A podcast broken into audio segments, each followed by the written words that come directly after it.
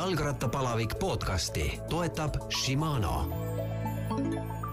jalgrattapalaviku toob sinuni Unibet, mängijatelt mängijatele.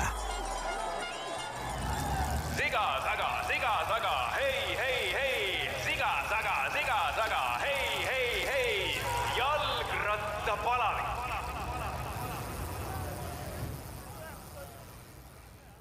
tere, head kuulajad! käes on septembrikuu. Me tänast saadet küll natukene varem salvestame, aga eetrisse läheb septembri alguses. meie tänane saatekülaline on huvitav persoon. ta tuleb Narvast, ta on võitnud tiitlivõistlustelt medali, küll noorte tiitlivõistlustelt, aga Euroopa noorte olümpiafestivalilt pronksmedali esimene, kes suutis seda pärast Tanel Kangertit. ta on Euroopa meistrivõistlustel olnud viies juunioride hulgas ja üsna värskelt tuli Eesti koondisega Balti tuuri võitjaks. tere tulemast saatesse, Gleb Karpenko! tänud, tänud, tere! ma ütlen enne, kui me hakkame siin pikemalt juttu ajama veel selle ka ära, et äh, igati hea meel on tõdeda, et meil on sel korral või sel kuul äh, toetajate hulgas äh, Shimano, nii et äh, saate keskel teeme lühikese Shimano ploki, kus ajame juttu Raivo Maimrega. aga Kleep, sa tuled Narvast ja sealtkandist meil võidusõitjaid väga tihti ei tule. kas äh, sinu esile kerkimises on ikkagi sada protsenti süüdi, heas mõttes süüdi, isa? Sergei Karpenko, kes siis kunagi ka noorena on päris kõvasti jalgrattas sõitnud, tulnud trekisõidus mitmekordseks Eesti meistriks. kui isa ei oleks utsitanud või isa ei oleks suunanud, siis äh, sinuga me täna siin juttu ei räägiks. ma arvan küll jah, et äh, eriti praegu viimasel, viimasel aastal ta on ikka päris palju toetanud, et äh, vahepeal olid juba need mõtted, et lõpetaks ära selle ja läheks õppima ja tegeleks mingi teiste asjadega. aga tema poolt ikka tuleb korralikult toetust. siin saates on tulnud või on olnud mul ka isa ja tütar, kes siis ka rääkisid omavahel siin, kuidas nad äh, kunagi kõik see algas ja, ja siis äh, Laura-Liis Ette Sander ütles, et no noorena ikka ma mäletan, et võttis ikka nutma ka vahest, kui isa käskis trenni minna, et äh, kuidas sul need asjad on olnud, et kas äh, on tulnud libedalt või tegelikult on olnud noh, noorena võib-olla sa mäletad perioode, kus kus oli ka, oleks tahtnud hoopis millegi muuga tegeleda tegelikult ma ei, ma ei hakanud rattaspordist üldse. mul alguses oli ujumine, tennis ja igasugused eh, teised huviringid, aga siis eh, tuli suusatamine. et eh, tegelikult Narvas on päris palju suusatajaid, kes, et laskesuus-, laskesuusatamisega tegelevad. ja sealt hakkasin ja siis mingi hetk lihtsalt nagu, et talvel tegin, tegelesin suusatamisega ja suurrattaspordiga, aga mingi hetk pidin otsustama, et mis mul parem. Aga suusatamises olin nii kets, et pidi ikka rattasporti valima, valima. Äh, mis vanuses sa pidid selle otsuse siis tegema? Äh, äkki oligi enne seda olümpiafestivali, talvel ikka suusatan põhimõtteliselt siiamaani, aga lihtsalt äh, suusatamine on praegu nagu rohkem ettevalmistus kui juba, et võistlen. no sa ütlesid, et Narvas äh, suusatajaid või laskesuusatajaid ikkagi on. kas jalgrattureid ka oli või jalgrattureid ei ole?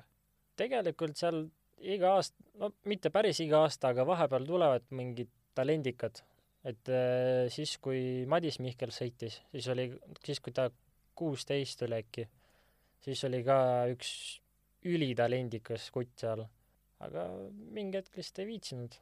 aga tegelikult oli ikka no, ma mäletan, Eestikad olid vist ja vend tuli starti, et huuled sinised täiesti, eraldi starti sõitma ja lõpuks oli teine peale Madist. ja siis tuli grupisõit paar päeva hiljem, siis selle ta võitis ära. nii et ta ei saanud isegi aru, mis, mis juhtus üldse, noh. et tegelikult seal tulevad niisugused huvitavad vennad. sa oled äh, Narvas äh, kasvanud, eks? Jah.. koolis käinud? Jah.. kuskohast pärineb sinu hea eesti keel, et kui meil siin Eestis ikka kusagil juttu tuleb, siis räägitakse sellest, et seal äh, ida pool ja seal Narvas, piirilinnas Narvas äh, ei ole eesti keelega hästi. sul on väga hästi. no tegelikult sellega on ka päris huvitav loo, et äh, peale üheksandat klassi mõtlesime, et mis, mis edasi teha. et nagu tegelikult Narvas ei saaks väga kooli minna, sest seal nagu mõned koolid on nii hullud, et ma ei saaks sporti kõrval, spordiga kõrvalt tegeleda. siis mõtlesime, et üks hea variant on Audentes. Siis äh, käisin eraldi tundides, et eesti keelt õppida ja nii, aga kooli eesti keel on teistsugune. ehk siis, kui ma Audentesse läksin, ma alguses olin nagu, ma oskan kõiki põhimõtteliselt. selle eksami kirjutasin viie peale ja kõik nagu raamatu järgi mul on hea keel küsitakse midagi, ma ei saa midagi vastata. ja siis äh, ma ei tea, paar kuud läks mul aega, siis rääkisin juba rahulikult. et ühesõnaga sellise äh, tugeva hea keele sa said ikkagi lõpuks äh, Otepäält? ja treeneriks oli siis ikkagi juba Andrei Lebedev või? Äh, jah, siis kui kooli tulin, siis oli tema. juba oli tema seal? mm. -hmm. aga sinnamaani harjutasid sa põhimõtteliselt siis äh, isa näpunäidete järgi või? suhteliselt. meil, mul vahepeal oli üks äh, treener Tallinnast, ma ei, ma ei mäletagi isegi ta nime. temaga isegi kõik töötas jumala hästi, aga üks hetk ta kadus ära. ma ütlesin, pap-, paps oli, et nojah, võtab üle siis selle. ja no põhimõtteliselt see, mis ma kolmas olin, siis tuligi sealt.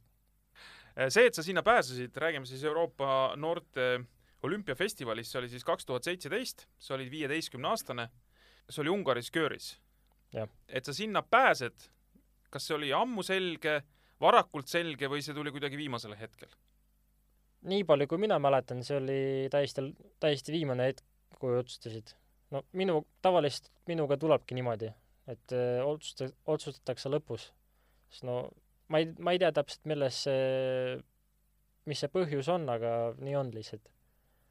ma pidin, ma pidin reaalselt kõike võitma et peale saada. ja siis, kui peale sain, mul oligi peas see, et nüüd paremaks ei saagi. Ja siis, kui starti läksin, tavaliselt kõikjal, kõikidel on see, et see, et kardavad, et noh, mis nüüd saab, et tuleb mandross ja kõik. mul oli pigem, et noh, ma sain peale, mis mul ikka. hullemaks ei saa minna ju on ainult võita, onju. kaotada ei ole midagi oota, aga räägime selle ka veel ära, et see, kui me nüüd konkreetselt veel sellest sõidust, aga et Kalevi jalgrattakool, miks see sinu juures seal on? no isaga oli selline mõte, et pigem võtavad KÜK-st kedagi kui Narvast. et äkki nad, äkki nad ei märka, et ma Narvast olen ja siis vaadatakse, et noh, KÜK siis võet-, võetakse sealt. Ado Hein aitas korralikult, ta ikka surus, et mind võetakse peale. see võistluse eraldi start, mis sa sõitsid seal ja said pronksmedali olümpiafestivalil, kümme kilomeetrit ja ma vaatasin, et sa kuldmedali võitjale kaotasid vähem kui kuue sekundiga ja samal ajal sinu selja taga neljas mees oli kas null koma null viie sekundi võrra aeglasem vaid, et ülitihe võistlus. tegelikult sellega oli ka nali, et äh, üks Itaalia treener tuli, kohe po-, lõpetasin, siis kohe tuli minu juurde, küsis, mis mu aeg oli. mäleta, mis täpselt ajad olid seal, ütlesin aja, siis ta oli, et oh, sa oled esimene, minu vend on teine. no okei okay. mul päris hea siis. sest tegelikult ma ei saanud mitte midagi aru, mis seal toimus. Sõitsin täiega viis kiltsi ühele poole, viis kiltsi tagasi ja no mis seal ikka, mingi, ma ei tea, kolmteist, kaksteist minti see võistlus oligi. ja siis äh, Kaido Juurik oli meiega, pluss mul vanemad olid ka seal, siis ma olin endaga, rääkisin, siis Kaido tuli, ütles, et teine oled praegu. ma olen, no pole paha, tegin kangerti tulemuse üle, päris hea, ja siis äh, see sakslane tuli, ei, taanlane tuli mitte kusagilt, siis tegi ära, siis Kaido oli, ei, ikka teine oled. ma olen nagu, no olgu siis. ja siis pärast tuli, ütles, et, äh, et ühes sekundis oli teine, kolmas, neljas koht. et ta lihtsalt ajas sassi seal ja olin kolmas. no vähemalt ei olnud neljas. jah, selles mõttes mul sobis. jaa, absoluutselt, ma arvan ka. Äh, medal tuli, see oli kindlasti üllatus, eks? ikka. ma, ma ei põhimõtteliselt isegi peale seda mõtlesin, et no ma ei saanudki aru, mis see täpselt üritus on. sest äh, noh, pole nagu niimoodi väljas käinud kuskil, et ala mingi, see oli põhimõtteliselt nagu Euroopa olümpia. et äh, koondise olümpiariided ja kõik nagu äge värk. aga sain medali, siis ma ei, mõned inimesed tulevad, ütlevad, et, et palju õnne ja kõik, ma lihtsalt olin, et noh, okei okay. olgu siis kas selline edu noh, ikkagi väga tihti ei ole juhtunud, kaks tuhat kolm Tanel Kangert sai medali olümpiafestivalil, sina said kaks tuhat seitseteist, okei okay,, järgmine kord juba Madis Mihkels võttis kaks kulda ja ja Laura-Liis Ette-Sander sai ka minu meelest medali vist, eks Kas ta oli kolmas äkki oli kolmas ka jaa või jah, et siis on, hiljem on äh, tihedamalt tulnud, aga tookord tuligi väga harva tegelikult, sa olid ju teine alles äh, jalgrattur, kes sealt medali võttis, et mis see mõtetega teeb? tegelikult enne seda mõtlesin, et ikka võiks kuskile tippu jõuda. aga see oli põhimõtteliselt eh, roh-, rohkem motiveeris mind. eks see grupisõit oli ka seal huvitav tegelikult. räägi sellest ka. seal samamoodi, no oled viieteistaastane, sa ei saa mitte midagi aru, mis toimub. Eestis harjunud, et sõidad lihtsalt ees ja ma ei tea, lõpus kas sõidad eest ära või paned finišid ja kõik. aga siin oli ikka no puhas taktika ja mingi tiimitöö asjad. meil oli nii, et äh, viieline grupp sõitis eest ära. kolm venelast, üks äh, itaallane ja üks sakslane. ma lihtsalt istusin seal, mõtlesin, et no ma ootan finišit, no mis, mis seal ikka. siis suures grupis? Jah. mm. -hmm. meil olid mingi maokad seal, igasuguseid asju toimus, aga no, kuna see grupis on tegelikult nii lühike seal, selles vanuses, et sa reaalselt, sa, sa ei jõuagi midagi teha. et äh, aga lõpus äh, panin eest ära, ma ei mäletagi täpselt, kuidas see oli, lihtsalt sõitsin eest ära. sain äh, sakslase kätte, kes oli eest maha jäänud ja siis temaga jõudsin lõpuni. ja olid siis, ma ei mäleta, kas ma olin neljas või viies, aga no kui praegu vaadata, see sakslane, keda ma kätte sain, ta on, ma ei tea, kas ta sõidab Devo tiimis praegu DSM-is äkki on isegi World Touri juba jõudnud. ja see, kes äh, võitis selle, ta oli Jungade Euroopa meister eraldi stardis, pluss praegu see aasta tal oli ka huvitav, et see Gazprom Rusvel oleks laiali, siis ta oli seal. aga praegu ta vist sai IF-i. su areng jätkus juunioride hulgas selles mõttes samamoodi, eriti see teine aasta, teine juunioride aasta, kus sa olid vanem, kaks tuhat üheksateist, Euroopa meistrivõistlustel viies, aga sa tol aastal võitsid ikkagi rahvusvahelisi võidusõite päris palju, Poolas, Taanis, Belgias, Pariis-Rubeel, kolmekümne viies, okei okay,, see koht võib-olla ei ütle kellelegi midagi, aga tegelikult sa ei kaotanud seal esimestel üldse väga palju, sa olid tugev. no võib nii öelda jah, et aga aasta, see esimene aasta mul oli ikka suht kehva, ma ütlen. alguses ma ei saanudki koondisse põhimõtteliselt, siis kui juuniorid käivad iga aasta sinna klassikutele, ma ei, ma ei saanudki sinna. Ja Leps võttis enda käe alla, siis käisime laagris ja siis, kui viimased sõidud olid koondisel, siis me läksime ka Belgiasse, sõitsime neid kohalikke sõite, mis on põhimõtteliselt sama tase, nagu oleks Nations Cupi sõitnud. sellel teisel juuniori aastal see viies koht eraldi stardis Euroopa meistrivõistlustel. medalist kakskümmend sekundit võitjale kolmkümmend neli sekundit, jällegi no ei ole väga suured vahed, eriti arvestades, et see distants oli kakskümmend kaks koma neli kilomeetrit. et ikkagi distantsi oli ka juba. seal see viies koht rahuldas sind või sa ise mõtetes kuidagi lootsid veel rohkemat? tegelikult lootsin veel rohkemat, aga ma arvan, põdesin üle alguses. et mul oligi see, et ma tahaks ära võita, et äh, kas kõik või mitte midagi. ja siis äh, nagu minu arust, pluss mul paar tuttavat ka ütlesid, et stardis kaotasin. Mis on tegelikult ebaloogiline, et kuidas see võimalik, kas sa kaot-, kaotad stardis. sest no eraldi stardis tegelikult no loeb see, mis sa terve distantsi peal teed aga siis äh, vaatasin järgi ja oligi nii, et äh, alguses ma läksin ülirahulikult seal. et äh, üks äh, hollandlane, kes oli kolmas äkki, äkki oli teine, minu, minu arust oli kolmas, ta startis no nagu oleks ühe kilomeetri sõitnud trekil. All out stardist ja kõik kurvid seal lendas sellise hooga, et et ma ei, ma ei usu, et ma läheks seal niimoodi. aga noh, nagu näha oli, tasus ära jaa, ma vaatan, hollandlased said siin hõbeda ja pronksi, nii et kaks hollandlast oli lausa poodiumil ja aga itaallane ma lihtsalt ei mäleta, kumb jaa, nendest okei, täpselt jaa, oli. jaa, itaallane võitis. ja tol aastal siis see kaks tuhat üheksateist, sa võitsid veel üllatuslikult kodus Tartu rattaralli, eks? jah, see oli ka huvitav sündmus. jaa, huvitav sündmus ja seal ju sõitsid ju veel profid ka kaasa, kes olid sellel Tour of Estonialt nii-öelda jäänud ka rattarallile, eks jah Jah.? aga kuidas see võit siis äh, sul tuli, värskenda natukene mälu ka meile. sa olid mingi grupiga eest ära?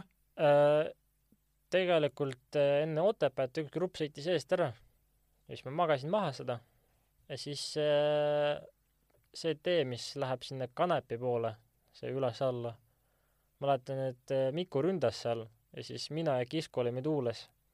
ja siis Mik-, Miku andis vahetuse ära, siis ta vist vajus punti. ma vaatasin, et meil vahe sees, me peame edasi minema ja siis Kiskoga olime seal, siis Miku tuli tagasi meie juurde ja siis äh, läksimegi seal, läksime järgi. mäletan veel, mul oli ikka no, ma mõtlesin, et ma jään maha, sest noh, Miku Eesti meister ja just võitis äh, Eesti tuuri. siis ta ütles mulle, et ära jää maha. ma olen okei okay. ma siis jää maha. ja oligi, jõudsime ette, siis äh, sõitsime karusselli terve aeg. vaatasin, et noh, Alo Jaakin ja Mihkel Räim, niisugused suured poisid sõidavad sinna, siis mina olen mingi juunior. seitsmeteistkümne-aastane? jah. jaa. nii, ja mis lõpus sai? Äh, enne Tartut tulid krambid, võtsin jala lahti ja mõtlesin, nojah, et sõit tehtud, et tegelikult pole paha. Ees lõpetasin ja enne starti mõtlesin, et plaanis oli, et äh, lõpetan esipundis. vahet pole, mis see esipunt on, lõpetan esipundis. ja siis äh, võtsin selle eraldi stardiasendi, hakkasin järgi sõitma seal äh,, ees literdati põhimõtteliselt terve aeg ja siis, kui ma järgi jõudsin, vist oli nii, et ma istusin veits tuules veel ja siis üks hetk Normand ründas minu arust ja ta saadi kätte. ja siis vaatasin, et noh, hea võimalus. Läksin ja seal oli nii, et Norman jättis täpselt mulle ruumi, et ma saaks seal mööda minna ja siis karjus, et ma paneks lõpuni. ja siis ei olnudki midagi teha, pidingi lõpuni sõitma. et kui suur, suured poisid ütlevad, et sõida lõpuni, siis no, kas seal grupis oli välismaalasi ka või?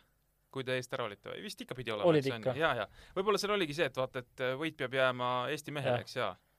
Ja seal oli nii, et äh, et see võit, võit jääb eestlasele, aga mitte Tartu pois-, poisile, sellest Cycling Tartust. ja siis oligi niisugune sõda nende vahel. okei okay.. siis ma lihtsalt sõitsin, vaatasin, et võimalus on, läksin. igal juhul äh, no väga uhke, et äh, Tartu rattaralli võitjate nimistus olla on, on päris uhke. jah, sul on eraldi start sobinud ja, ja noh, sobib siiamaani. Kas see tuleb sellest, et sa oled ikkagi hästi palju üksi treeninud? või noh, ütleme isaga kahekesi treeninud või selles mõttes, et ei ole suure grupiga? ma ausalt ei oska öelda. mul, mul see, et isa tegelikult ka eraldi sõitnud päris palju enda nooruses. äkki geenidest tuleb. on sul siin Eestis äh, noorus, nooremast peast olnud ka noh, mõni selline no iidol või, või äh, see sõitja, et kelle sarnane tahaks olla, ma ei tea, noh, võib-olla okei okay,, Eestis võib-olla ei olegi, aga, aga välismaal, et et vau, et äh, nii võiks küll kunagi sõita või siis noh, eks isa ka kindlasti mingil hetkel oli, ma kujutan ette, et äh, tegelikult siis, kui siis kui ma väike olin, siis isa mul oli nagu, ta ei sõitnud nii palju, et ma vaataks talle, et oh, ma tahaks nagu tema tasemel sõita. aga ma vaatasin, et pigem nagu prof-, sest sotsiaalmeediast ikka vaatad. ja siis äh, too ajal mul oli see Greg Van Avermand. ta võitis äh, olümpia sellel ajal siis, kui ma noor olin ja vaatasin, et noh, tahaks ikka selline olla. ja praegu vaatan teda, noh, tundub ikka siuke vana mees juba. no eks ta ongi, vanus tuleb peale, ega midagi teha ei ole, ma arvan, ta on mingi kolmkümmend kuus või midagi sellist, eks või, kolmkümmend seitse või? Üle kolmekümne kindlasti. aga- jaa. aga no sõidab veel, ei ole hullu, et pä- Jah. ärme päris maha kanna veel, eks. ei, ta sõidab suht kõvasti, jah. jaa, jaa. sa oled, ma juba korra mainisin, et sa oled Narva poiss, eks. kas sinul on kunagi olnud äh, äh, kuidagi, ma ei tea, koondiste juurde tulles või äh, või mingitesse laagritesse minnes ka selliseid nagu keerulisi hetki, et äh, et eriti siis, kui ütleme, kui see võib-olla eesti keel veel noh, väga heal tasemel näiteks ei olnud, et või või ütleme, need Eesti noored on ikka sind kogu aeg nagu hästi vastu võtnud? see on selline kahepoolne küsimus, et äh, alguses oli ikka päris raske. oligi see Anton oli ainuke, kellega ma sain rääkida. äk-, ma ei tahtnud väga temaga rääkida, aga no ma pidin lihtsalt. see oligi äkki, see motiveeriski äkki mind äh, eesti keelt ära õppida. aga KÜK-s oli okei okay.. koondises oli ka enam-vähem, eks vahepeal ikka tulevad mingid segadused, aga no no tuleb eestlaste vahel ka ja, ja noh, ja kui see keelebarjäär või midagi veel on, eks seda võib, noh, tuleb lihtsamini võib-olla lihtsalt, eks onju. et teine aasta juunioridest oli, mina ütleks, et üliäge. et äh, tahakski nagu sinna tagasi, et meil oli sihuke enda punt ja me olime kõik ülihead sõbrad. vahepeal ikka mingi, ma ei tea, kaklused olid no nii, midagi ikka, jaa, jaa, midagi ikka tekib. aga jah, me oleme kõik äh, suht äh, toredad kõikide vastu, nagu enda pundis. me oleme siis juttudega kaks tuhat üheksateist, kas selle aasta järel, kui sa said viienda koha Euroopa meistrivõistlustel, kas siis hakkas mingite klubide huvi ka äh, sinu vastu, et vot-vot, mis mees see on, et äh, mida sa järgmisel hooajal teed? mitte midagi ei olnud. see oligi minu, minu jaoks üllatus, et äh, mitte keegi nagu ei küsinud ja ei uurinud. Mingi jutud olid, et äh, läksid Rene Mandri juurde küsima, aga mitte midagi ei olnud. ja siis ainuke variant, mis mul oli, oli see Uudse keskus. aga nendega oli ka nii, et alguses nad ütlesid, et jah, et siin on see paber, kirjuta alla. ma mõtlesin, et oh, leping tuli, et nii hea et saan minema Eestist ja Šveitsis saab elada, nii äge ju tegelikult. aga see oli täiesti teine paber. Et nii-öelda, et mina olen huvitatud ja siis nemad juba vaatavad, kas nad võtavad või mitte. ja siis üks hetk vaatasin, et no mäletan, novembri lõpp oli juba, siis hakkas väike paanika, et no mis ma järgmine aasta siis teen juba. ja helistasin Renele, et kas, kas mul oleks koht seal, ütles, et ikka. ja järg-, järgmine päev tuli EÜTL-i see, et Uudse keskus ootab mind. ja siis ma istusingi nagu, et et ma ütlesin Renele juba, et ma tulen ja siis nemad ka ootavad. ja siis ma mõtlesin, et no kui nad peab kooli lõpetama, siis ma ikka jään Eestisse. et ma ei tea, kas see oli õige otsus või ei olnud, aga no nii see jäi. et sa läksid veel siis viima-, viimasesse klassi Jah. mm? -hmm. sa sõitsid selles koduses kontinentaaltiimis, toona oli ta siis Tartu kaks tuhat kakskümmend neli, BCC sõitsid kaks aastat, eks, kaks tuhat kakskümmend ja kaks tuhat kakskümmend üks oli juba Ampler, et äh, kuidas sa selle perioodi kokku võtad, sest esimene aasta tulemuste vaates tegelikult oli päris tore või? ei olnud väga ausalt. Ei olnud? jah, tuli see Covidi aeg, me olime jumala pikalt kodus. me olimegi pool aastat kodus, põhimõtteliselt siis, kui hooaeg käis. no väiksemaid võidusõite vist väga ei korraldatud ka, eks, et seal Jah. oligi see probleem, et et need suuremad nihutati kõik edasi umbes augustikuust või millalgi hakkas peale ja siis kõik sõideti hiljem lihtsalt äh, järgi aga, aga väiksemad enamuses jäidki ära. ainukesed, kellele vedas, olid need Devo klubid, sest nad saidki juba nagu täiskasvanutega koos sõita, nagu need kõrgemaid sõite ka. aga me istusime kodus ja sõitsime, mis meil oli eraldi start ja noh, need pisisõidud, mis meil olid siin Eestis. sa tulid Eesti meistriks eraldi stardis. see oli üllatus. Ennem meil olid eraldi stardid ja ma olin kolme hulgas olin kuidagi, aga et võita mul ei olnudki plaanis. nii et tuli hästi välja. selles mõttes, et ma ei tea, kas vedas, aga tuli ära. maailmameistrivõistlustele sa said ka ikkagi sellel aastal? Eliidi omad jah, jaa, Itaalias. jah, said sõita eraldi starti. jah, konkurendideks olid needsamad Filippo Kannad ja, ja teised mehed. olid, olid küll jah, sa kaotasid kannale peaaegu nelja ja poole minutiga, olid neljakümne viies, distants oli kolmkümmend üks koma seitse kilomeetrit. kas, kas need on väga valusad tõehetked, noh selles mõttes, et keegi, sa ise tead, kas sul vorm oli hea, kas sul läks sõit nii, nagu sa tahtsid või mitte, on ju, et see te, te, kõrvaltvaataja vaatab lihtsalt numbreid. kas see on nagu tõehetk, kui sa mõtled, lähen sinna starti ja siis mingid mehed sõidavad must nii palju kiiremini terve see üritus oli täielik katastroof, sest äh, me sõitsime ühte Nations Cupi Poolas ära, siis äh, Rene korjas tiimi rattad kokku, ütles, et äh, et tal müüa juba olemas ja ma ütlesin, et hooaeg on val-, läbi, kõik. sõidan maratonis, hakkan tsüklokrossi sõitma Eestis. ja siis tagasiteel Jassile helistati, EÜTL-is, et selline võimalus on, et saab äh, Tu kakskümmend kolm saab eliidis sõita see aasta ja siis saab tagasi U kahte, U kahtekümmend kolme hüpata. Siis pakkus mulle, alguses ma mõtlesin, et mis ma teen seal. Lähen lihtsalt ja kaotan enda viis, viis minutit ja siis lähen koju. ja siis Ash oli, et no ikka, et eh, huvitav kogemus. kurat, ma ei tea, et et noh, kuidas see hakkab välja nägema, et mul pole, maanteeratast polegi mul praegu.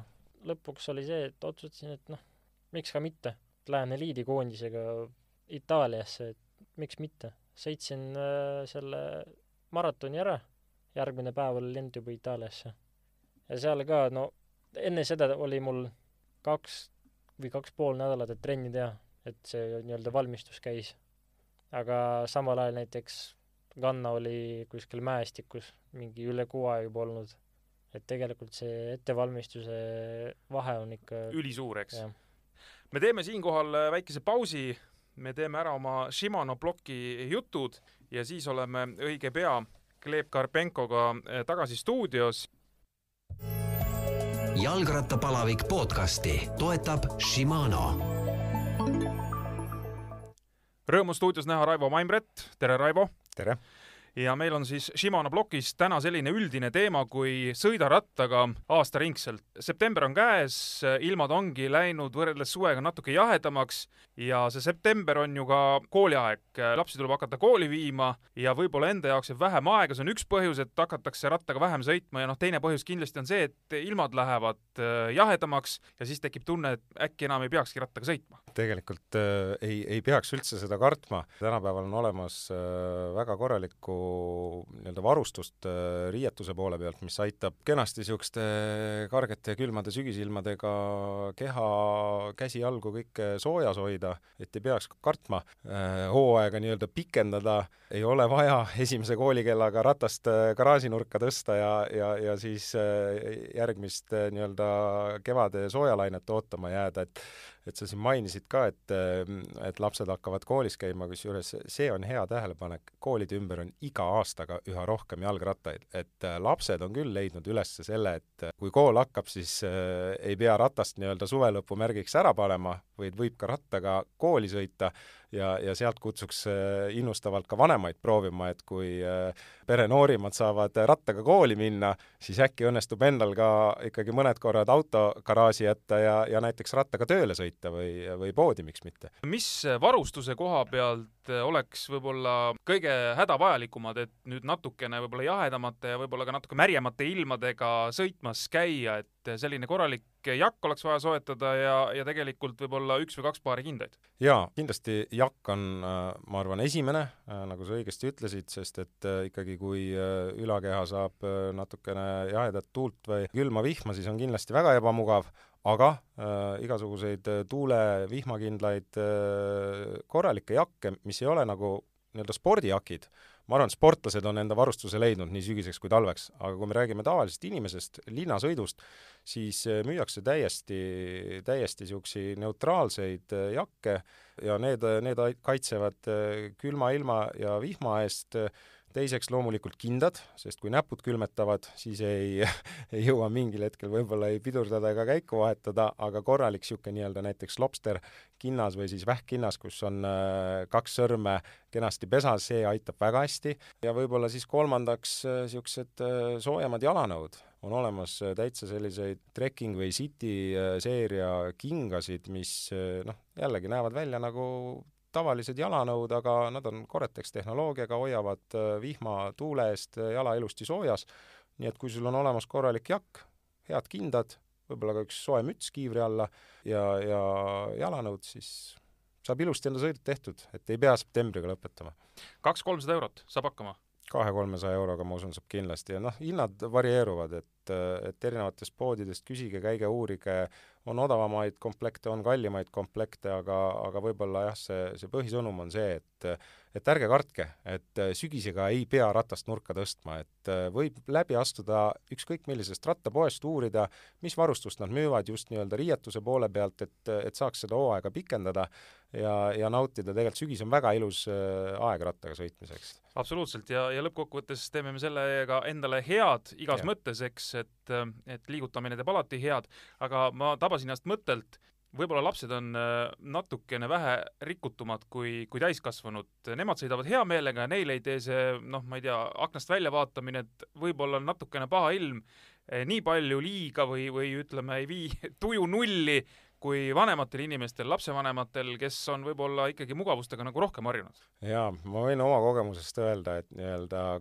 koduaknast või autoaknast välja vaadates tundub see sügisilm ja vihmane ja tuul alati hullem ja kõledam, kui ta tegelikult on. see asi ei ole nii hull, et raju rahe vihma, mis hommikust õhtuni nii-öelda peksab latvu maha, seda on meil väga harva. et kui me räägime sellisest äh, keskmisest vihmasabinast, siis äh, ei ole halba ilma, on lihtsalt äh, vale, vale riietus, nii et kui on õiged riided, ei, ei ole mingit probleemi, ei maksa karta. lõpetuseks, Raivo, ütle, millal sina rattanurka tõstad, kas detsembris või sa ei tõsta üldse ratast nurka, aasta ringi sõidad? ma ütlen ausalt, ma naudin ka niisuguse lume ja külmema ilmaga sõitmist, aga noh, kui on ikka miinus kümme, läheb natuke teravaks, aga miinus kolm, miinus viis, eriti kui on päikseline lumi maas, väga ilus on sõita, et on olemas äh, naelrehvid, lamellrehvid ratastele, see lahendab pool nii-öelda libeduse probleemi ära, kui saamehed on ilusti tee puhtaks lükanud, siis niisugusel äh, kergelt äh, paari külmakraadise talveilmaga välja veerema minna on, on väga ilus, nii et põhimõtteliselt ma üritan äh, aasta ringi käia.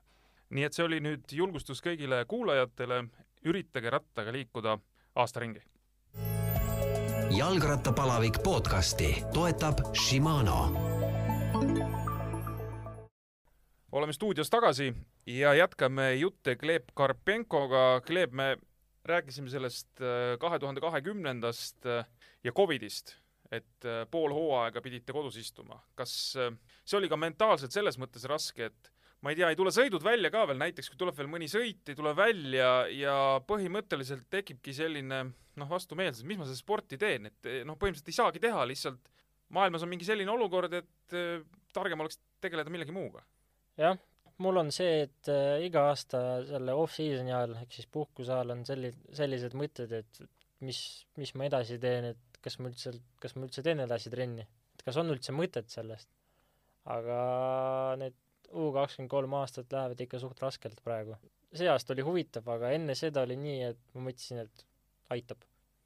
eriti eelmine aasta kukkusin palju ja lõpuks ei olnud lepingut mitte kusagile, keegi ei tahtnud mind, siis ma istusingi kodus, mõtlesin, et äkki ongi kõik, äkki jõudis sinna kõik et äh, praegu räägime siis aastast kaks tuhat kakskümmend üks, teine aasta selles äh, Tartu kontinentaaltiimis, sa ütlesid palju kukkumisi, ma vaatasin, tulemusi ka väga ei olnud.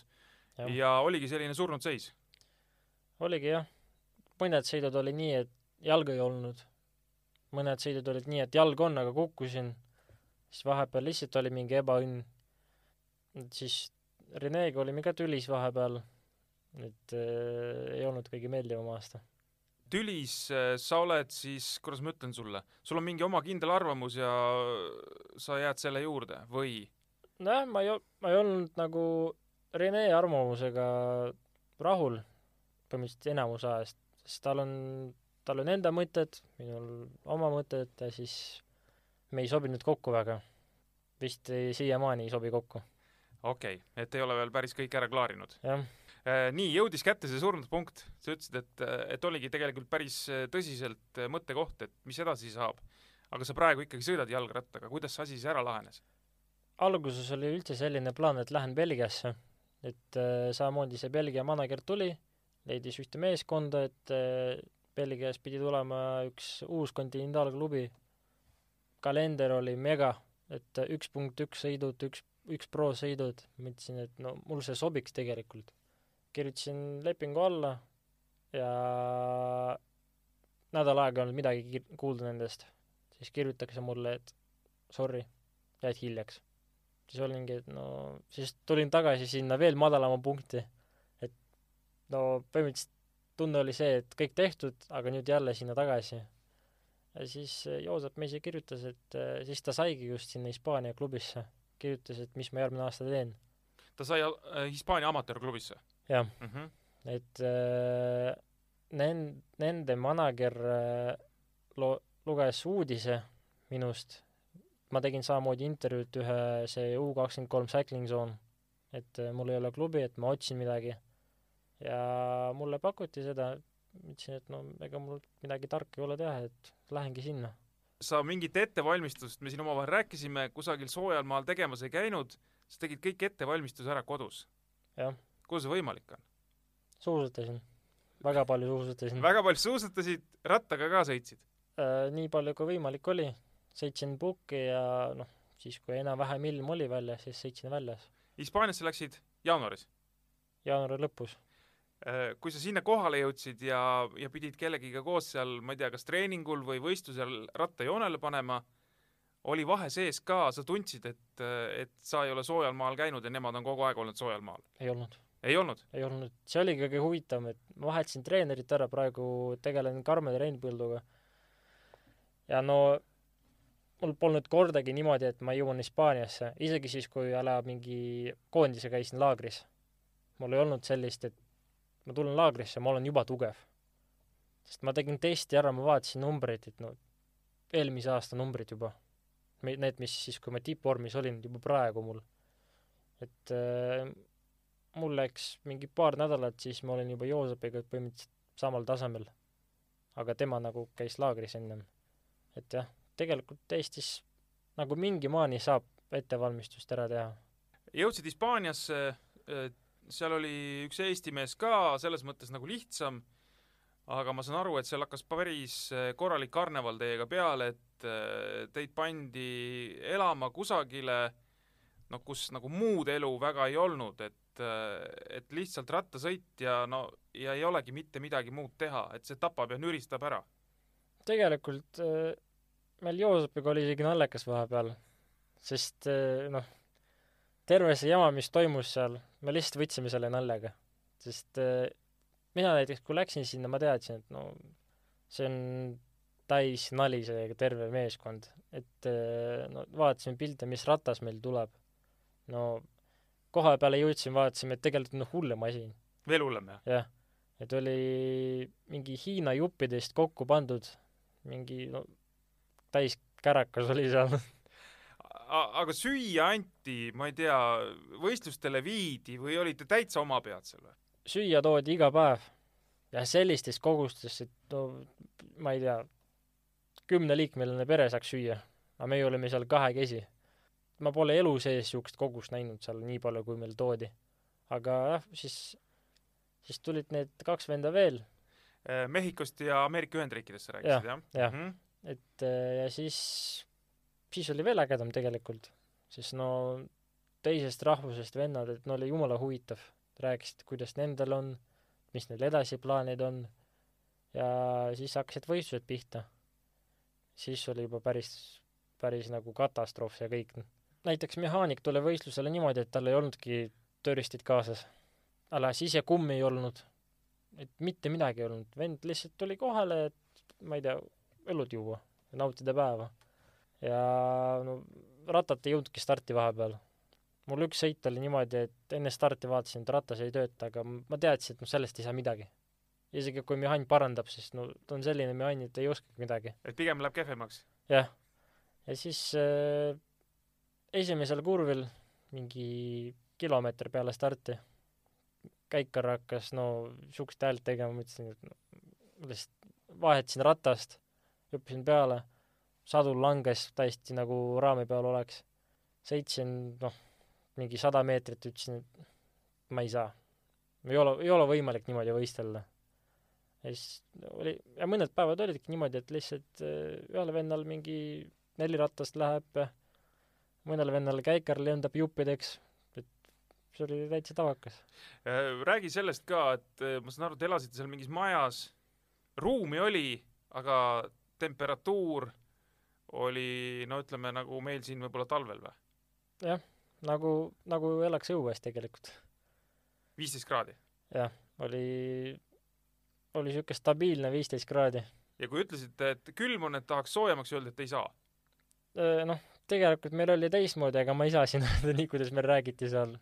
siis lihtsalt eh, öeldi, et no ala, et paned äh, mitu tekki. siis ma ütlesin, et ma magan juba kolme tekiga, et mis ma edasi teen. Siis ta ütles, et no temal perel tehakse teist asju, siis kui külm on. ja siis vaatasime, et no mees on, ma ei tea, kuuskümmend äkki ja räägib meile siukest asja asjadest, et no päris ebamugav oli seal. siis ma saan aru, et mingil hetkel sai mõõt täis, jah? tegelikult mul, mul oli jumala savi, sest ma sain trenni teha, ma vaatasin, et ma arenen, sõitudele ka vaatasin, et ma tegelikult suht okei okay olen. aga ühel sõidul oli nii, et äh, selle ameeriklase ema tuli, et need, temal oli mingi puhkus ja siis vaatasime, et äh, see mehaanik kuidagi jookseb seal ringi, et jumala õnnelik on. mõtlesime, et noh, mingi pervert on või midagi.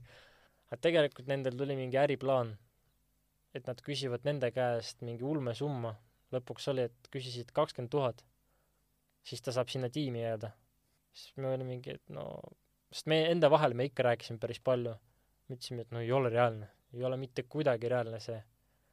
ja öeldi, et noh, kui ei anna raha, siis paki asjad ja pane minema siit. siis, siis ta öö, vist oli paar päeva seal emaga mingi Madridis puh-, nii-öelda puhkusel. siis tuli sinna majja ja manager ütles, et, et ah, see oli nali. et maksa ainult kolmsada euri kuus nii-öelda elamise eest. Aga no elamine oli ka selline, et no mis sa maksad seal nii palju. isegi sooja ei olnud, eks? ja, ja, ja Mhm. ja ta ütleski, et no, et ta pakib asjad ja läheb ära. siis ta küsis selle mehhiklase käest samamoodi. aga Joosep juba enne seda, mingi kuu aega enne seda ütles, et äh, ta läheb minema. ta läheb pelotoniga laagrisse ja no ta ei tule tagasi. tal viskab kopa ette. siis ma olingi seal üksinda, et no kas, kas ma jään siis üksinda siia, no ei ole võimalik. ja siis ütlesin ameeriklasele, et sest tema pidi Gironasse minema, sest tal on seal mingi sõbrad. küsin, et, et kas, kas ma sinuga saaks minna? siis järgmine päev pakkisime auto täis ja kaheksa tundi olime Gironas. ja seal tegelikult suht hästi võeti mind, meid. ühel kas te läksite kohe mingi klubi juurde või tegelikult ei läinud esialgu klubi juurde? sellega oli ka huvitav, et istusin autosse ja üks klubi kirjutas mulle, et eh, palju õnne hooaja puhul. siis ma olin, alguses ma ei saanud aru, mis see nagu tähendada võib. siis ma kirjutasin endale, et mul polegi klubi praegu. ma läksin ära, just kirjut-, just kirjutasin paberi alla, et ma lähen ära. ja siis öeldi, et äh, äkki tuled meie juurde. ja siis me, meil oli vist kuu aega need läbirääkimised et äh, seal vanas klubis nad hakkasid ka, et see paber, mis ma alla kirjutasin, et tegelikult see ei ole päris see paber, et tegelikult ma ise seal mingi asju mõtlesin välja, korralik segadus oli. see on jah, kõrvalt vaadates tundub või kuulates tundub ikkagi päris selline mitte kõige ägedam lugu, aga noh, samas kui sa ise oled seal, tahad rattaga sõita, siis äh, ma ei tea, mingid asjad sa võib-olla suudad kuidagi nagu kõrvale lükata.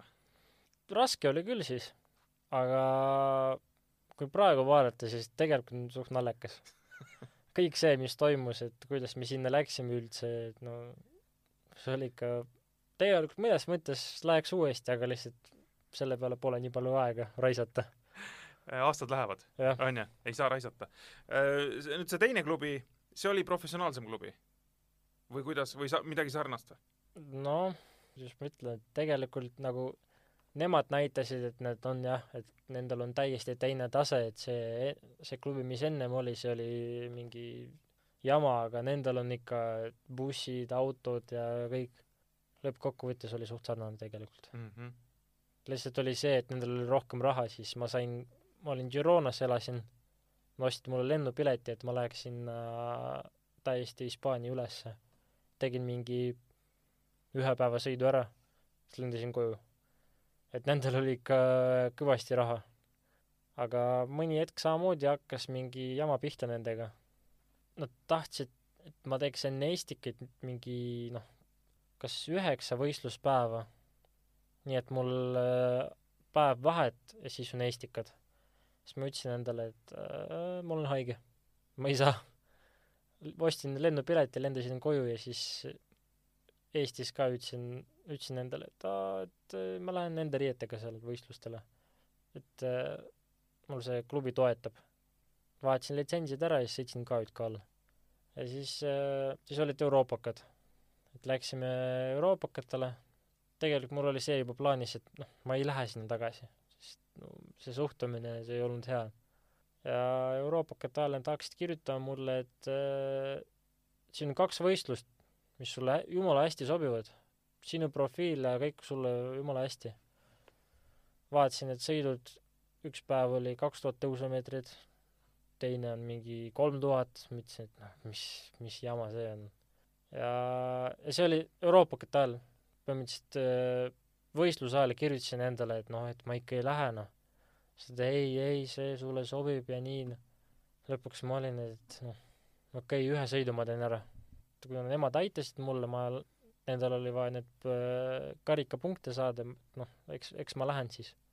teised läksid lennujaama, mind korjati sealt peale, läksime Hispaaniasse, seal suht lähedal oli. esimene päev tunnen, et no jumala kehva tunne. tegin proloogi ära, kuidagi olin seal suht, suht ees olin, ei, ei kaotanud palju esimestele. teine päev hommikul ärkan, tiimikaaslane, see üks äh, teine USA vend, temal oli mingi kõhuga mingi jama. minul tunnen, et no räige väsimus on. et ei, ei saa õige olla, eks? jah mm. -hmm.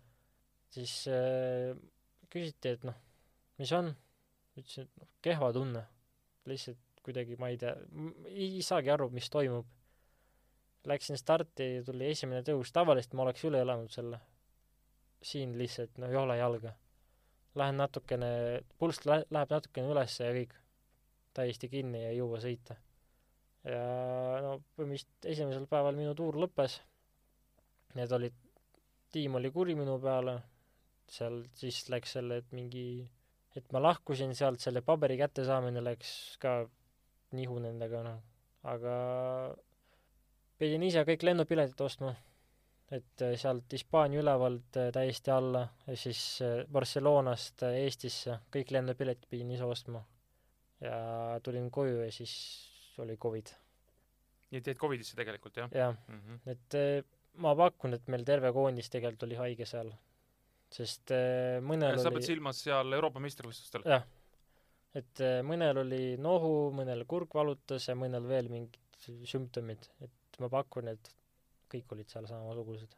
euroopakatel teil tuli, oota, mis teil oli, kaheksas koht seal selles sega, segateatesõidus vist, eks jah? jah. aga seal väga palju rohkem osalejaid ei olnud, on ju? kümmekond või midagi või rohkem natuke või? kümme või üksteist, kümme või üksteist, jah? nojah, see, mis me Joonasega tegime, see oli lihtsalt päris huvitav sõit. et algus oli, e-, esiteks oli see eraldi start, mis päev ennem oli. tegelikult tunne oli, põhimõtteliselt lennuk olin stardist. esimesest tõust lendasin üles, tunne on jumala hea ja poole peal selle Powermetri magnet tuli lahti läks keti külge, jäi kinni. et keti viskas maha ja siis ma olingi nagu, et kuna mul on üks hammakas ees, ma mõtlesin, et no, et kunagi Jassel ikka oli õigus, et et see kunagi tuleb, et see kett kukub maha. siis pärast avastasime, et jah, et see magnet kukkus, mis tegelikult ei ole reaalne üldse mitte kuidagi. see juhtub äkki korra elus. ja no sõit oli tehtud, sõitsin lõpuni, järgmine päev oli see mixed relay. samamoodi stardist, ülihea tunne et Joonasega sõidame kõik nagu, teeme perfektselt vahetused ja kõik nagu kiirus on üleval, siis tuli, auk vist oli tee peal. ma olin esimese, esimesena, Joonas oli minu tuules. sõitsin august läbi, jooks oli ribadeks, jäin seisma, vahetasime jooksu, mõtlesin, et no juhtus, juhtus, mis juhtus, okei okay. Aga siis äh, käiguvahet jäi kinni, et mul oli nagu trekiratas ühe käiguga aga mul on ees kuuskümmend hammakas ja taga oli viisteist. ja siis tuli niisugune korralik põnts seal. kuidagi astusin selle ülesse ja siis no sõitsime, sõitsime lõpp, lõpuni nii, kuidas oli. siis tuli viimane ringtee. autod lähevad paremale, me läheme vasakule. Joonas otsustas, et ta läheb paremale ja siis noh, ma viimane hetk nägin, et vasakult peab minema, läksin vasakult, siis ootasin Joonast, kuna ta tuleb, siis ta jäi kinni seal, sest tee oli kinni pandud, no meie sõit oli ikka no see läks nii nihu, kui võis olla. üldse sai minna? aga nagu no, sealt tuleb õppida, ega midagi teha ei ole, paremaks nii-öelda tagasi kerida ei anna, eks? jah, noh, mul jalg oli tegelikult, aga ei ole midagi teha. Sa Hispaania klubiga ühesõnaga enam seotud ei ole, eks, selle teise klubiga ka? jah õnneks. nüüd, nüüd oled nagu va vabakäigumees. jah. mõnes mõttes õnneks, mõnes mõttes jällegi, kuidas on see sportlase elu, on see, et aga kus ma järgmisel aastal sõidan või kus ma edasi sõidan? tegelikult hullemal juhul ma lihtsalt lähen Belgiasse ja sõidan need kermised seal. sest praegu, kui ma läksin sinna, mul oli nii hea meel lihtsalt seal olla. kuidagi rahulik, kui sa käisid enne Balti tuuri seal, eks jah, mm? -hmm. kuidagi rahulik, et eh, ma teen trennid ära, siis kui näiteks treener ütleb, et võistelda oleks vaja, vaatan kalendri, iga päev on mingi võistlus, lihtsalt peaks vaatama, et lähemal oleks, sest äh, esimene päev oli nii, et üks tuttav hollandlane läks võistlusele, ma ütlesin, et no ma lähen ka siis sinna. võistlus oli kuuskümmend kiltsa minust. selle kotiga läksin sinna, sõit oli sada kakskümmend, sõidu lõpus mõtlesin, et noh, et ei saa aru, mis toimub, no kuidagi hakkan tühjaks jääma, siis tegelikult oli juba sada kaheksakümmend kiltsa tehtud. pärast äh, tegin sõidu ära, su-, mingi seitsmeteistkümnes olin seal, selle kott selga ja koju. pikk päev tehtud ja tegelikult, tegelikult oli jumala hea. ja ühel sõidul sa olid seal teine ka veel, jah jah, mm -hmm. see oli viimane sõit. kas see auhinnaraha ka teenib seal? Viiskümmend euri sain, viiskümmend euri said? aga sissemaks on kümme. sa oled praegu kakskümmend vanuseks Jah.. kas sa oled tänaseks päevaks jalgrattasõiduga äh, teeninud raha ka? ma mõtlen, et, et sa saad öelda, et ma olen nii, ma olen, ma vähemalt mingi perioodi olen teeninud elatist jalgrattasõiduga. ei ole kahjuks, ei ole kahjuks. jah. kuidas, ma nüüd, räägime natukene mitte ainult jalgrattaspordist, nagu elus tervikuna. Kuidas see ära seedida või kuidas see panna endale arusaadavasse keelde, kui sõbrad, kes tegelevad millegi muuga eh, ja võib-olla peavad noh, mõnes mõttes nagu vähem vaeva nägema, kõik on suhteline, eks, aga mm, -hmm. aga Mhm. ütleme füüsilist vaeva ja nii edasi, ja, ja nad saavad juba raha liigutada, eks, nad saavad, tuleb, läheb, tuleb, läheb, aga sa vaatad, et ma tahaks ka nagu ja mul on mingid sihid on olemas, aga kuidagi kaua läheb sinna aega, et ma selleni jõuaks, et midagi liikuma hakkab. tegelikult ma just viimastel päevadel vaatasingi, et äh, mõnel tuttaval on juba pere olemas ja mingi tööl käivad, siis ma lihtsalt vaatan, tegelikult mina olen ikka laps praegu. ma olen suhteliselt sama asja teinud äh, ma ei tea, sama, mis neli aastat tagasi, lihtsalt sõidan rattaga. et ütle mingi kahekümneaastasele poisile, et aa, ma sõidan rattaga ainult. ta ütleb, et no lollakas oled. aga samas nagu need teised eh, tuttavad, kes mul on, alla, et eh, Gironas sain siukse punti, kus olid ainult ameeriklased. Nemad saavad sellest normaalselt aru. lihtsalt seal on mõned, mõned on päris sportlased, aga mõned on need sotsiaalmeediatöötajad põhimõtteliselt. Mm -hmm. ja no nemad saavad aru, jah. kui kaugel sa oled sellest hetkest enda arvates, et sa võiksid ka saada nagu päris sportlaseks selles mõttes, no sa oledki nagu sportlane, sa teed sporti, sul on eesmärgid, sa pingutad, noh, kõik, kõik need jutud, on ju, aga praegu ei tule kusagilt veel seda tasu, ütleme, väga tagasi, eks, ra-, Mhm. rahalises mõttes. küll ma usun näiteks emotsionaalses mõttes, kui sa lähed Balti keti velotuurile sõitma Eesti koondisega ja te võidate sellel velotuuril kolm etappi, sina küll ei võitnud ühtegi etappi, aga sa olid väga suur noh, nii-öelda abiline seal, võidate meeskondlikult ära, tegelikult see on ju maru hea tunne, selle nimel tehakse ka sporti, et seda tunnet kogeda. jah, no tegelikult siis, kui mul pakuti sõita seda, siis ma teadsin, et no minul ei ole mingit šanssi seal võita. äkki, äkki antakse võimalust, aga no ma ei hakka isegi kasutama seda. et ma tean, et koondises on sellised poisid, kes reaalselt võivad seal lõpus suhteliselt kergelt ära teha. nagu Laas võttis kolm etappi. tähendab, tähendab Kaks etappi, kaks etappi mhm. jah. Nemad võivad rahulikult ära teha seda. ja siis mulle anti teine töö. ma olin, ma olin rahul täiesti sellega. näitasin, et tegelikult mul jalga on ka. absoluutselt. kas äh, sinu roll võikski olla midagi sellist, mida sa ütleme praegu tegid Eesti koondisega, aga tegelikult kui sa lähed kuskile noh, natuke suuremasse klubisse, ütleme, ma ei pea isegi silmas võib-olla kontinentaalmeeskonda, võib-olla natuke kõrgemalt isegi, et kui sa peaksid jõudma sinna, kas see näiteks võibki saada sinu rolliks, et sa oled lihtsalt ülihea töötegija, aga kas sa nagu tahad, kas sa nõustud sellise rolliga? ma, ma arvan, et ma nõustun ikka, aga mõni hetk tahaks enda võimalust ka saada. mis äh, praegu oligi Cycling Tartus see probleem, et äh, olid põhivennad, kaks venda põhimõtteliselt, ja nende peale tegid tööd.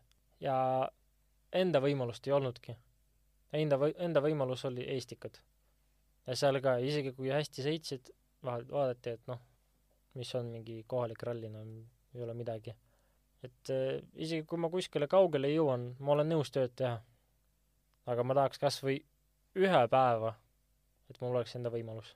kui kaugel sa oled sellest hetkest enda arvates, et äh, võiks jõuda sinnamaani, et rattasõit hakkab midagi sisse tooma? no ma arvan, et äh, järgmine aasta ma üritan täishooga sõita. et äh, kui tuleb midagi, siis on hästi.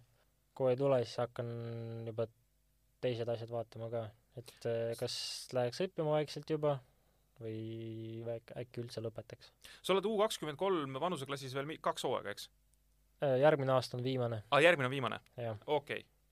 et siis ühesõnaga see U kakskümmend kolm ongi, et kui sinnamaani tuleb midagi, siis Jah. teeme edasi rõõmsalt, aga kui ei tule, siis on mõttekoht. jah, eks äh, ma vaatan ka, et kui näen, et tegelikult ma arenen, et mingi tegelikult tuleks see areng veel mõni aastaga juurde ka, siis, siis ikka proovin edasi.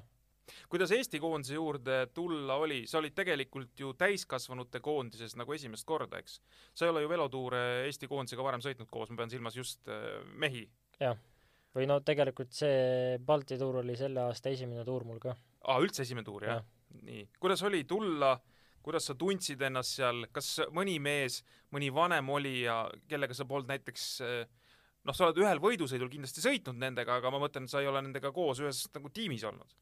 no ainuke, kellega koos ma olen sõitnud niimoodi, olid, olid äh, Rait, me olime tiimikaaslased temaga koos. Ampleris, eks, või selles Tartu Jah. meeskonnas, jah?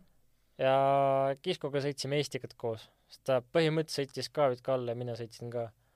aga ülejäänud, no teame üksteist jumala hästi. et Normaniga oleme Belgias trenni teinud ja ma ei tea, Mikuga oleme niisama juttu ajanud ka. ainuke oli Laas. temaga ma pole üldse puutunud. ainult Eestikatel korra sõitsime kõik. ja mina ütleks, et äh, tegelikult oli lõbus. Ja kõik võtsid jumala hästi vastu mind. hea kuulda. kui sa lähed sinna grupi ette, vahe on sees, jooksikud on ees, Eesti koondis peab taga ajama, sellepärast et kiired mehed on, kes tahavad lõpuks finišit teha. Kleep tuleb grupi etteotsa, mille järgi sa seal ees sõidad, et neid jooksikuid püüda, kas sa vaatad power meetrit, kas sa noh, vaatad vatte nagu selles mõttes, vaatad sa keskmist kiirust, vaatad sa kiirust, vaatad sa, ma ei tea, enesetunnet, mille järgi sa seal ees sõidad? Tegelikult äh, selle, kui seda viimast etappi võtta, mulle alguses öeldi, et äh, mul tuleb kerge päev, sest äh, päev enne seda tegin päris palju tööd, mul, mulle öeldi, et, et ainult lõpus pead meid ette vedama ja kõik. ja siis, kui see punt sõitis eest ära ja Laas ütles, et mine ette tööle, ma ütlesin, et no tahtsin kaugele saata tegelikult teda, sest äh, alguses mul oli ikka nii kehva tunne, aga siis no, ei, ei saa öelda. no see oli minu töö lihtsalt siis läksin ette, alguses sõitsin, sest alguses me pidime lihtsalt äh, laskma neid. mingi vahe peale, eks? Mm -hmm. alguses öeldi, et kolme minuti peale laseme neid ja edasi vaatame. ja siis lihtsalt tunne järgi sõitsin. mingi hetk vaatasin, et vahe läheb pikemaks, et natukene panime juurde, aga muidu ei ole midagi. kui tulevad teiste tiimide mehed ka appi, siis on lõbusam? muidugi.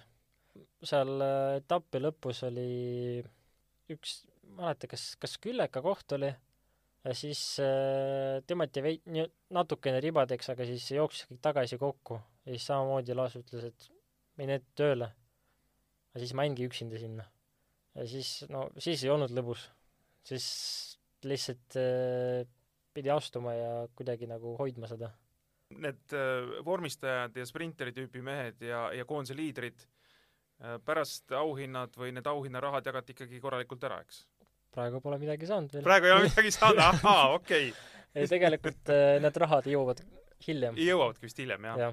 ja. aga no minu jaoks oli tähtis see, et kõik vähemalt ütlesid aitäh. et äh, see oli juba see, et äh, suured poisid ütlesid aitäh, see on ikka suur asi ka, noh. ja siis, kui peale viimast etappi kõik tulid, ütlesid, et no, et väga hea töö. Nad ei olnud lihtsalt, et noh, tegid ära ja tubli. Öeldi, et no ikka, et tugev oled ja ikka kõva töö oli siis ma ütlesin, et no see oli seda väärt. mis sul sellel aastal siis veel plaanis on, kui klubi ei saa või selle klubi eest sõita ei saa, kellega sa siin kunagi rääkisid vist eelmisel mm -hmm. aastal, eks, et siis sa lihtsalt lähed Belgiasse ja sõidad omal käel mingisuguseid võidusõite? mul tuleb koondisega üks veel sõit tuleb see Nations Cup Poolas, sinna läheb see nii-öelda B-koondis meil, ja see on siis U kakskümmend kolm koondis nagu, eks? jah Jah. et äh, ma lähengi kuueks päevaks Belgiasse, teen no üks-kaks starti seal, et oleks lihtsalt toonuses ja siis äh, lendan Poola ja sõidan seal koondisega ja siis tagasi Belgiasse edasi sõitma. selle hooaja pealt, mis sa ütleme nüüd teinud oled, kas mingi lootusekiir on, või ütleme, mingid sõidud on ju veel, eks, nagu sa ütlesid, mingi lootusekiir on, et ikkagi järgmiseks aastaks saaks endale äkki kontinentaaltiimi? manageri sõnul ta ütles, et sada protsenti ma olen järgmine aasta kuskil nagu korralikus klubis. Aga ise ma ei tea, ma ei oska öelda. manager, sa ütlesid belglane kuidas tekib sulle Belgia manager, mänedžer? ma ei tea, kust ta tuli, aga ta on võttis lihtsalt ühendust? jah, aga ta on praegu ainuke, kes tahab minuga koostööd teha ja siis, kui temaga kokku saime Belgias, siis ta ikka nägi, et noh, ma tulin lihtsalt, pakkisin asjad ja läksin Belgiasse ja siis tal tuli ka huvi minuga tegeleda. et ta nägi, et sul on endal ka tahtmine? jah. No nende jaoks oli täitsa üllatus tegelikult, et, et ma üldse tegin niimoodi, sest nad arvasid, et ma sõin seal Hispaanias, ma rääkisin endale ka selle lugu, mis seal oli, siis ta ütleski, et noh, see on väga kõva, et sa lihtsalt pakkisid asjad ja lendasid niimoodi. mis su karjääri ütleme senise, no karjäär nüüd kõl-, kõlab natukene selles mõttes halvasti, et justkui oleks juba sõitnud maru mm. -hmm. kaua, aga ütleme, senise ratturi tee kõige parem tulemus. mis sa, mis sa ise pead nagu ütleme, kõige paremaks kordaminekuks, mis sinuga seni on juhtunud?